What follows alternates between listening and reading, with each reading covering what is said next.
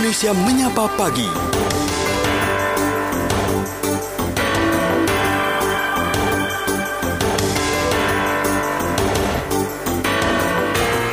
Kita masuki sesi berikutnya dalam dialog kesehatan pendengar ya. Dan uh, hari ini kita akan membahas uh, tentang diabetes melitus atau kencing manis yang uh, menjadi masalah untuk uh, banyak orang ya khususnya di Indonesia. Pendengar, untuk mengetahui apa itu diabetes melitus, kemudian juga bagaimana kita bisa mengenali gejalanya dan juga untuk mengobatinya seperti apa, kita akan berbincang dalam dialog kesehatan bersama dengan Dr. Dr. Tri Juli Edi T. SPPD dari Departemen Ilmu Penyakit Dalam.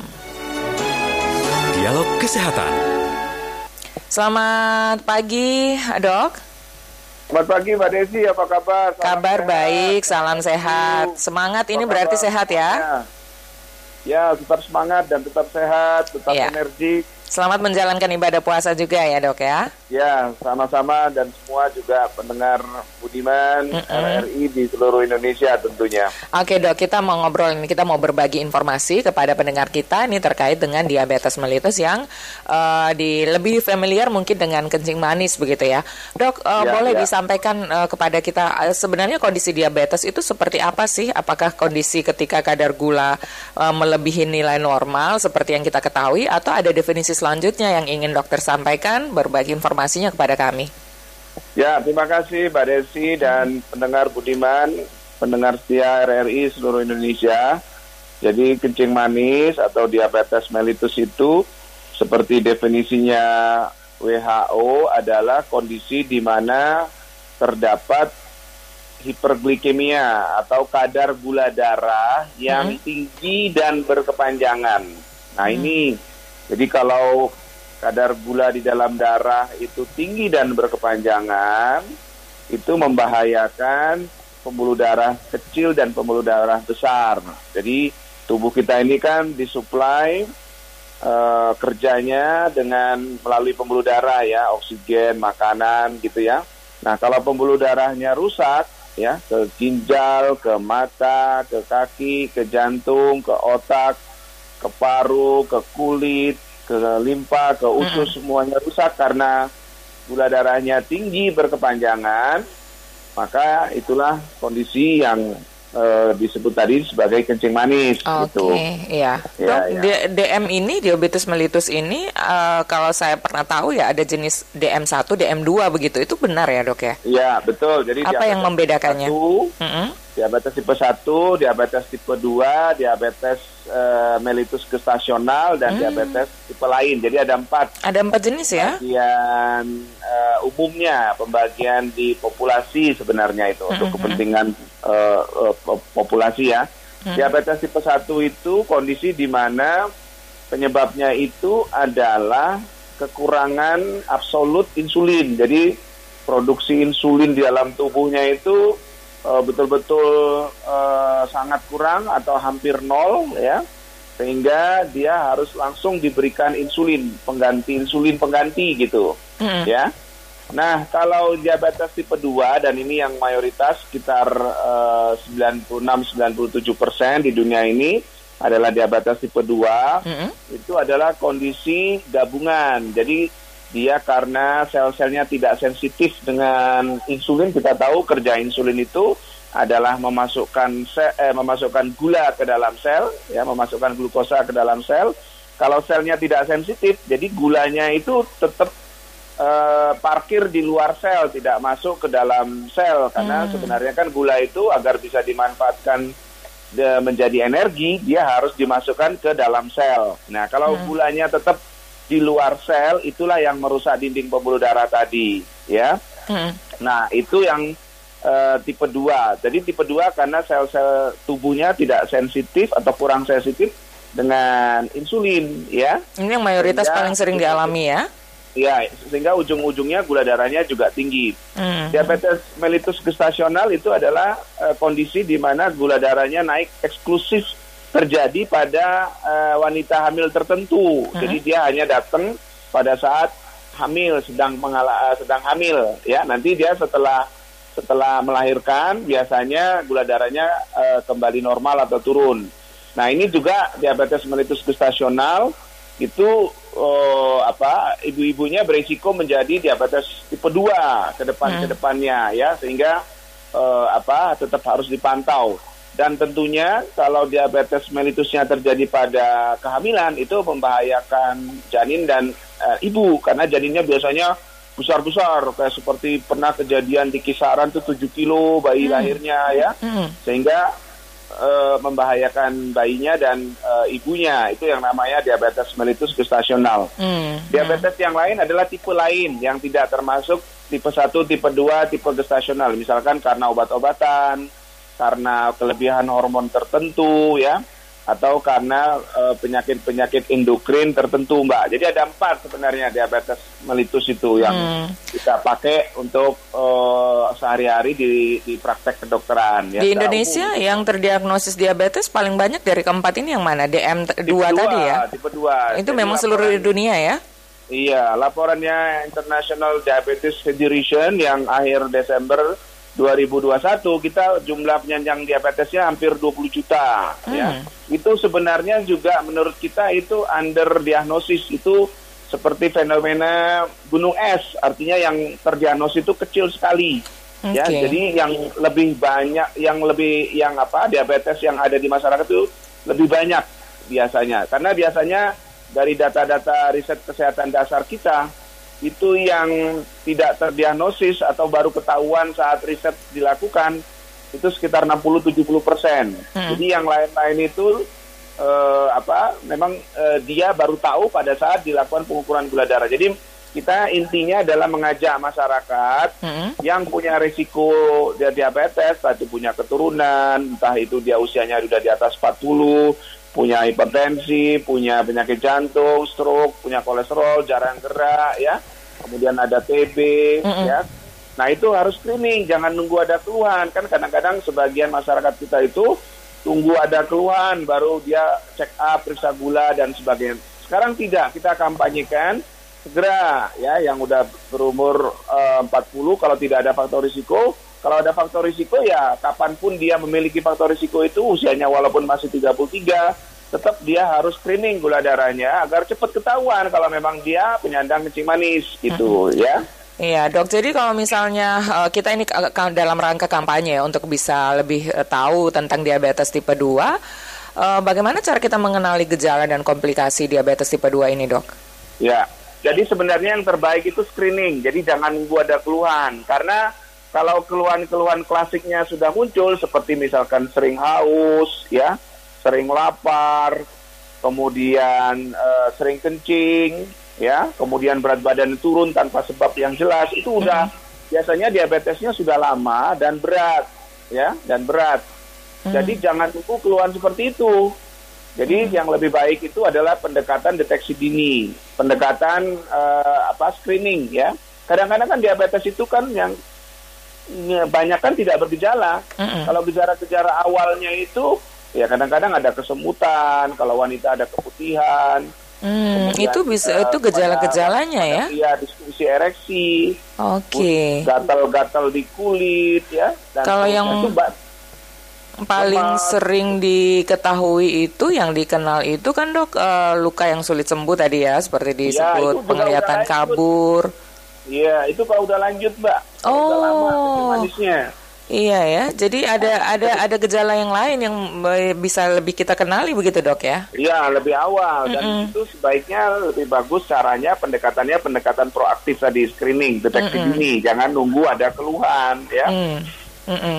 Ya, oke. Okay. Nah, kalau uh, tadi ya uh, di gejala-gejala awal tadi sudah disampaikan, kemudian gejala lanjutannya luka yang sulit sembuh, penglihatan kabur, mati rasa, kesemutan itu juga ya, bisa jadi tanda-tanda, dok? Mati rasa dan sebagainya. Ya, memang karena kan diabetes ini jahat ya, penyebab terbanyak kebutaan sekarang, penyebab terbanyak cuci darah, penyebab uh, apa terbanyak amputasi ya di luar trauma tentunya ya kemudian juga penyakit stroke itu juga e, berhubungan dengan adanya diabetes ya serangan jantung disfungsi ereksi macam-macam lah. Karena dia menyerang tadi pembuluh darah pembuluh darah pembuluh darah kecil dan besar yang itu ada di seluruh tubuh kita gitu Hmm, Oke, okay, ya. Nah, untuk pendengar uh, ketahui juga ya, silakan uh, Anda juga bisa ikut berpartisipasi bersama kami untuk ngobrol dengan uh, Dokter Tri ini ya uh, terkait dengan diabetes uh, mellitus. Ini silakan di 081399399888 untuk WhatsAppnya,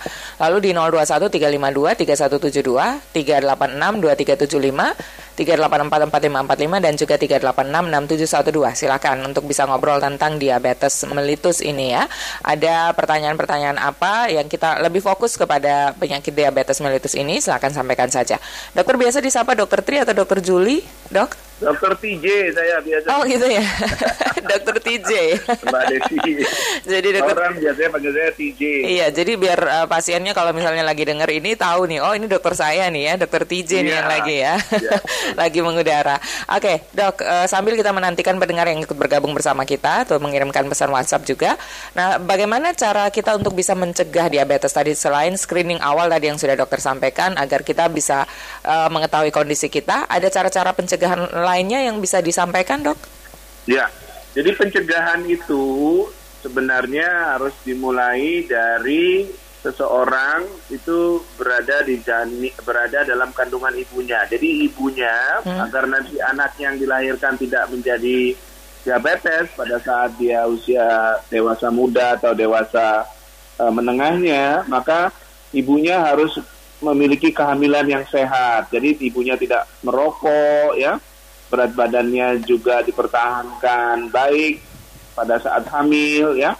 Kemudian screening jangan ada masalah-masalah penyakit serius hipotiroid misalkan kekurangan hormon tiroid atau ibunya jangan uh, kencing manis. Karena kalau ibunya sedang hamil kencing manis nanti anaknya berisiko berisiko kencing manis gitu. Hmm. begitu juga saat bayi balita ya disusukan dengan baik ya. Kemudian uh, apa jangan terlalu gemuk gitu anaknya dari kecil. Biasa dimulai banyak uh, gerak ya. Hmm. perkembangannya sehat dan seterusnya. Itu semuanya pencegahan kencing manis yang sangat halo? Itu halo? Ya silakan. Nah, anak kita itu dari dari kecil itu senang gemar melakukan uh, uh, physical activity gerak ya senang hmm. bersepeda, senang berenang ya. Kemudian juga mempertahankan berat badan idealnya. Kemudian juga apa namanya agar tidak tidak obes tentunya karena anak-anak yang obes itu nanti berisiko kencing manis di hmm. dewasanya. Okay. Jadi intinya sederhananya adalah membiasakan cara hidup sehat, Mbak. Itu intinya. Jadi makan makanannya juga uh, yang sehat, seimbang, hmm? tidak berlebihan kalorinya, ya. Kemudian juga jajannya di warung juga makanan-makanan yang sehat, kalorinya uh, tertentu, terdaftar hmm. ya. Terus tadi physical activity dan tentunya okay. adalah uh, istirahat yang cukup ya karena data-data di Jepang itu orang yang kekurangan tidur atau kelebihan tidur itu sangat berisiko kencing manis. Okay. Itu jelas data-datanya. Baik, Dok. Ya? Ini ada pendengar kita yang ikut bergabung juga. Boleh kita sapa dulu ya. Nanti kita boleh, lanjutkan boleh. kembali. Oke. Okay. Ada Bu Indra di Cirebon. Selamat uh, siang. Selamat siang. Iya, semangatnya mas semangat pagi Bu Indra ya. Iya. Indra silakan ada Dokter TJ nih. Ya, assalamualaikum Dokter TJ. Waalaikumsalam, ya. salam, salam ya. sehat Bu Indra. Semangat Alhamdulillah. Ya. Sa uh, kalau saya mendengar diabetes mellitus itu, uh, saya yang terbayang hal-hal yang mengerikan dok. yang saya temui orang kalau kena kencing manis itu kok ada yang pandangannya jadi kabur, bahkan mengalami kebutaan, kemudian ada juga yang diamputasi. Mengapa hal-hal itu terjadi. Tapi pernah yeah, yeah. ada mbah-mbah saya itu kencing manis di kaki di bagian tumit itu katanya harus diamputasi tapi kebetulan eh, anaknya itu perawat jadi di kalau orang Cirebon bilang ditelateni gitu kok bisa hmm. kering. Hmm. Nah, yeah, itu iya. bagaimana yeah. okay, Terima kasih. Terima kasih. Terima kasih banyak Bu Indra di Cirebon ya. Kita tampung dulu ya ada Pak Nur Hadi di Bekasi nih. Uh, saya sapa dulu. Pak Nur Hadi. Terima kasih Mbak Desi. Iya. Selamat pagi. mohon maaf saya sedang di tempat umum pakai masker super ketat. Eh, Oh, suara saya ya. masih jelas nggak? Masih, masih bisa Oke, baik. terdengar Pak Nur Hadi. Ya, Silakan langsung baik. dengan Oke. Dokter TJ. Dok, terima kasih Mbak Desi. Dokter Tiga selamat pagi. Eh, mau menanyakan dokter lagi menjaga kondisi agar seperti topik pagi hari ini tidak sampai terpapar. Nah, eh, saya sudah menjaga semua termasuk eh, med- eh, medical check up MCU dan juga eh, tes eh, lab ya dokter ya tidak ada bintangnya dan menjaga banget eh, rutin eh, donor darah dokter Eh, di Iya. urusan untuk urusan screening itu apakah sudah cukup sekalian juga menjaga pola gaya hidup atau masih ada harus yang ditambahkan lagi dokter Eh, s- eh, Oke. sebagai untuk menjaga screening saya medical check up saya eh, sorry apa donor darah saya rutin yang sekarang dua bulanan akan saya tingkatkan menjadi dua mingguan dokter Hmm. Eh, apresiatif begitu Oke, Eh, baik. oke, itu saja. Terima Terima kasih kasih, Pak Nur Hadi ya. Eh, Ditunggu nanti akan kami jawab satu persatu karena ada penelpon lainnya juga ini yang ikut bergabung bersama kita ya, Pak Nur eh, Pak Abdurrahman di Malang. Selamat siang, eh, Pak Abdurrahman. Selamat siang Mbak Desi. Oke, ada Dokter TJ juga di sini. Ih, Assalamualaikum dok. Waalaikumsalam, monggo Pak, monggo. Ya begini dok, mengapa eh, penyakit diabetes kok tidak bisa sembuhnya tidak bisa sempurna 100% kok harus mengkonsumsi obat sepanjang hidupnya. Kenapa dok kok Hmm. bisa seperti itu? Oke, ditunggu ya. Dok, Terima kasih. Waalaikumsalam Pak Abdurrahman yang ada di Malang. Dokter boleh tiga penelpon ini langsung ditanggapi sekaligus ya. Ada Bu Indra di Cirebon. Ini eh, serem nih kenapa harus amputasi katanya. Apakah ini tidak ada pilihan yang lain? Lalu juga Pak Nur Hadi yang ada di Bekasi. Bagaimana cara screening? Eh, karena selama ini eh, sudah melakukan screening, kemudian juga donor darah yang rutin bahkan mau ditingkatkan dua minggu sekali ini ya. Apakah masih ada yang lain yang harus dilakukan? Lalu juga dari Pak Abdurrahman tadi eh, tanya kenapa penyakit diabetes ini tidak bisa sembuh total harus mengkonsumsi obat seumur hidup. Silakan dokter. Ya, terima kasih tadi ke Pak Nur Hadi dan Pak Abdurrahman ya. Ini pertanyaannya Mm-mm. eh, penting singkat dan mendasar dan ini eh, sering sekali ditanyakan oleh eh, apa penyandang dan keluarga diabetes dan ini yang kerja kita hari-hari di saya kita di rumah sakit Cipto dan juga di teman-teman tempat yang lain ya. Jadi betul tadi bahwa kencing manis itu eh, kalau tidak terkontrol ya jangka panjang dia tadi sudah kita sebutkan menjadi penyebab tersering cuci darah, kemudian juga tadi eh, amputasi di luar trauma dan sebagainya. Jadi itu sebabnya kenapa? Karena gula darah yang tinggi berkepanjangan itu merusak pembuluh darah kaki, pembuluh darah ginjal ya sehingga fungsi-fungsi organ itu eh, rusak ya, aliran darahnya terganggu ya sehingga eh, kayak kakinya eh, mati ya, nggak dapat suplai darah, dia menghitam dan harus dibuang kalau udah mati gitu kakinya ya. Nah tentu Eh, itu pencegahan yang paling bagus. Karena kalau sudah hitam kakinya itu sudah terlambat. Kita nggak bisa lakukan apa-apa lagi. Kalau sudah hitam hitam gitu itu artinya sudah mati dianya ya. Maka pencegahannya lah yang paling baik. Memang eh, apa tergantung saat datangnya. Kalau datangnya cepat kadang-kadang kita bisa, bisa masih bisa perbaiki aliran darahnya kita pasang balon atau kita pasang ring kakinya ya sehingga aliran darahnya terbuka lagi atau dioperasi ya. Dibuat pembuluh darah baru ya dan sekarang kita sedang meneliti stem cell pada kaki diabetes misalkan di rumah sakit Cipto itu. Jadi usaha-usahanya eh, banyak sekali yang kita kerjakan. Jadi intinya adalah kalau bisa eh, terselamatkan kita senang sekali bisa terselamatkan. Nggak perlu diamputasi ya. Kadang-kadang gini eh, kalau pasiennya itu eh, apa namanya eh, eh, kakinya itu sudah sangat banyak yang mati, kadang-kadang dokternya lebih menganjurkan eh, diamputasi saja, Hmm. ya, Mm-mm. diamputasi saja karena lebih cepat eh, perawatannya. Nah, ini jawaban untuk Bu Indra tadi pertanyaan Bu Indra Ya, di Cirebon. eh, biayanya juga lebih murah dan sebagainya ya. Tapi kalau misalnya menolak gimana dok? Gak apa-apa kalau Oh. kalau misalkan Hmm. misalkan eh, apa kira-kira masih bisa kita lakukan eh, secara konservatif juga kadang-kadang kita lakukan secara konservatif.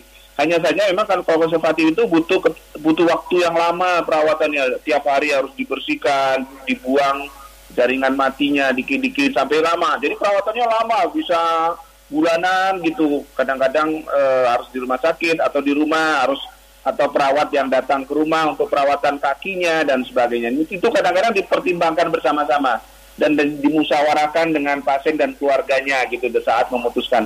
Memang keputusan amputasi itu nggak enak, kita juga nggak suka. Mm-mm. Kalau sudah harus kita sedih ngomong ke keluarganya, kita harus kumpulkan family itu baru kita sampaikan ini mungkin jalan terbaiknya ya walaupun ada pilihan kedua coba pilihan kedua atau pilihan ketiga gitu. Jadi yang intinya yang terbaik itu adalah pencegahan. Jangan sampai kita harus sampai ke amputasi. Dokternya pasti lebih senang kalau tidak diamputasi sebenarnya ya. Mm-mm. Nah. oke. Pak tadi yang pola hidup tentu Bapak Ibu sekalian jangan lupa bahwa diabetes tipe 2 juga ada faktor eh, genetiknya, bawaannya. Jadi ada seseorang kadang-kadang berat badannya ideal terus, pola makannya teratur ya, terkontrol. Tapi eh kena juga diabetes. Itu berarti ada ada faktor bawaan yang juga kuat gitu karena tadi saya yang saya sebutkan faktor gaya hidup itu akan berinteraksi dengan faktor genetik ya, faktor bawaan. Nah, tetapi biasanya kalau orang yang faktor bawaannya kuat tetapi gaya hidupnya baik, kalaupun dia kena kencing manis biasanya umurnya sudah lanjut 60, 70 baru kena kencing manis ya. Tetapi ada juga orang yang bisa jadi faktor bawaannya tidak terlalu tegas, tidak terlalu jelas, tetapi karena dari kecil gaya makannya, pola makannya tidak sehat, malas gerak, mager ya, berat badannya berlebihan, maka bisa jadi kencing manisnya itu lebih tinggi. Tuh. Jadi keduanya itu harus betul-betul di, eh, dipertimbangkan bersama-sama. Walaupun seseorang ada faktor risiko bawaan yang itu memang nggak bisa dimodifikasi tentunya karena faktor genetik ya selnya eh, mengandung gen-gen tertentu. Tetapi faktor yang yang lifestyle kan bisa kita kerjakan ya. Faktor stres, faktor eh, kecukupan tidur ya, faktor macam-macam tadi itu kan bisa kita kontrol. Jadi Bapak Pak Nurhani tetap jalankan tadi pola hidup sehatnya, kemudian periksa gula darah, ya. Kalau itu ya pakai darah biasa saja, dan kita kalau orang sehat itu gula darah itu harusnya di bawah 100 ya, dan gula darah waktunya harus di bawah 140, itulah yang kita sebut sebagai tubuh yang normal. Kalau gula. Nah Oke. itu ya. Ya, dok, eh, ini ya berarti eh, kesimpulannya eh, kita harus betul-betul menerapkan lifestyle yang eh, tepat begitu ya, yang baik gitu. Ya. Karena kalau hanya mengandalkan pengendalian kadar gula darah dengan obat-obatan begitu, tanpa mengikuti diet yang dianjurkan, kemudian tanpa bergerak olahraga seperti yang disampaikan tadi, eh, bisa saja kadar gula darah ini terkontrol, tapi mungkin memerlukan dosis yang cukup besar untuk obat-obatan ya. Halo dok. Ya. Oke, ya. Sekaligus terakhir ini karena kita sudah di penghujung eh, oh, acara, eh, silahkan dokter apa yang ingin anda sampaikan lagi yang mungkin tadi masih belum sempat disampaikan Ya. terkait dengan diabetes mellitus ini. sekalian ini dan terakhir ya. Jadi kalian memang dunia kedokteran di dunia ini, di dunia ini ya, belum bisa menemukan cara pengobatan yang sembuh total. Gitu. Sembuh total itu artinya seperti kalau kena tipes makan obat antibiotik seminggu terus kumannya hilang, terus nggak perlu makan obat lagi. Nah itu belum bisa karena kenapa? Kenapa? Karena diabetes itu proses pembentukannya udah lama dari tadi yang saya bilang mungkin dari seseorang berada dalam janin eh, dalam perut ibunya dan seterusnya ya. Jadi memang saat ini kita masih dalam fase hanya mengontrol gula darahnya saja. Tapi yakinlah obat-obat kencing manis itu aman untuk ginjalnya. Obat-obat kencing manis itu justru melindungi ginjal, ginjalnya dalam jangka panjang. Gak usah khawatir mengkonsumsi rutin. Karena itu kita sih pengen ada obat misalkan gitu ya. 6 bulan makan obat seperti obat TB sembuh total udah nggak usah makan obat pengen kita cari itu sedang kita teliti tapi memang sampai saat ini belum ketemu Baik. terpaksa Hmm. kita melakukan tadi saya sehat banyak ngatur makan dan makan obat secara teratur. Itu Pak Desi. Baik, terima kasih. Dokter Tija, terima kasih untuk uh, waktunya bersama dengan Pro 3. Mudah-mudahan ini bermanfaat untuk pendengar Pro 3 RRI dan uh, juga semua tadi yang disampaikan ya, bagaimana cara mengenali gejala-gejalanya, kemudian sampai dengan pengobatannya. Ini bisa menjadi tambahan wawasan ya untuk pendengar Pro 3 RRI. Terima kasih Dokter TJ. Terima kasih Pak Desi. Terima kasih, salam sehat, sehat selalu ya, Waalaikumsalam. Ya, baru bersama kami Dr. Dr. Tri Juli Edite, SPPD uh, dari Departemen Ilmu Penyakit Dalam. Ini memperkenalkan kepada kita ya definisi dari diabetes mellitus atau kencing manis, kemudian juga bagaimana kita mengenali gejala-gejalanya dan uh, sekaligus dengan uh, advice-nya ya, uh, bagaimana cara kita untuk bisa menghindari penyakit ini, kemudian kalau sudah terkena penyakit ini bagaimana cara terbaik kita untuk pengobatannya.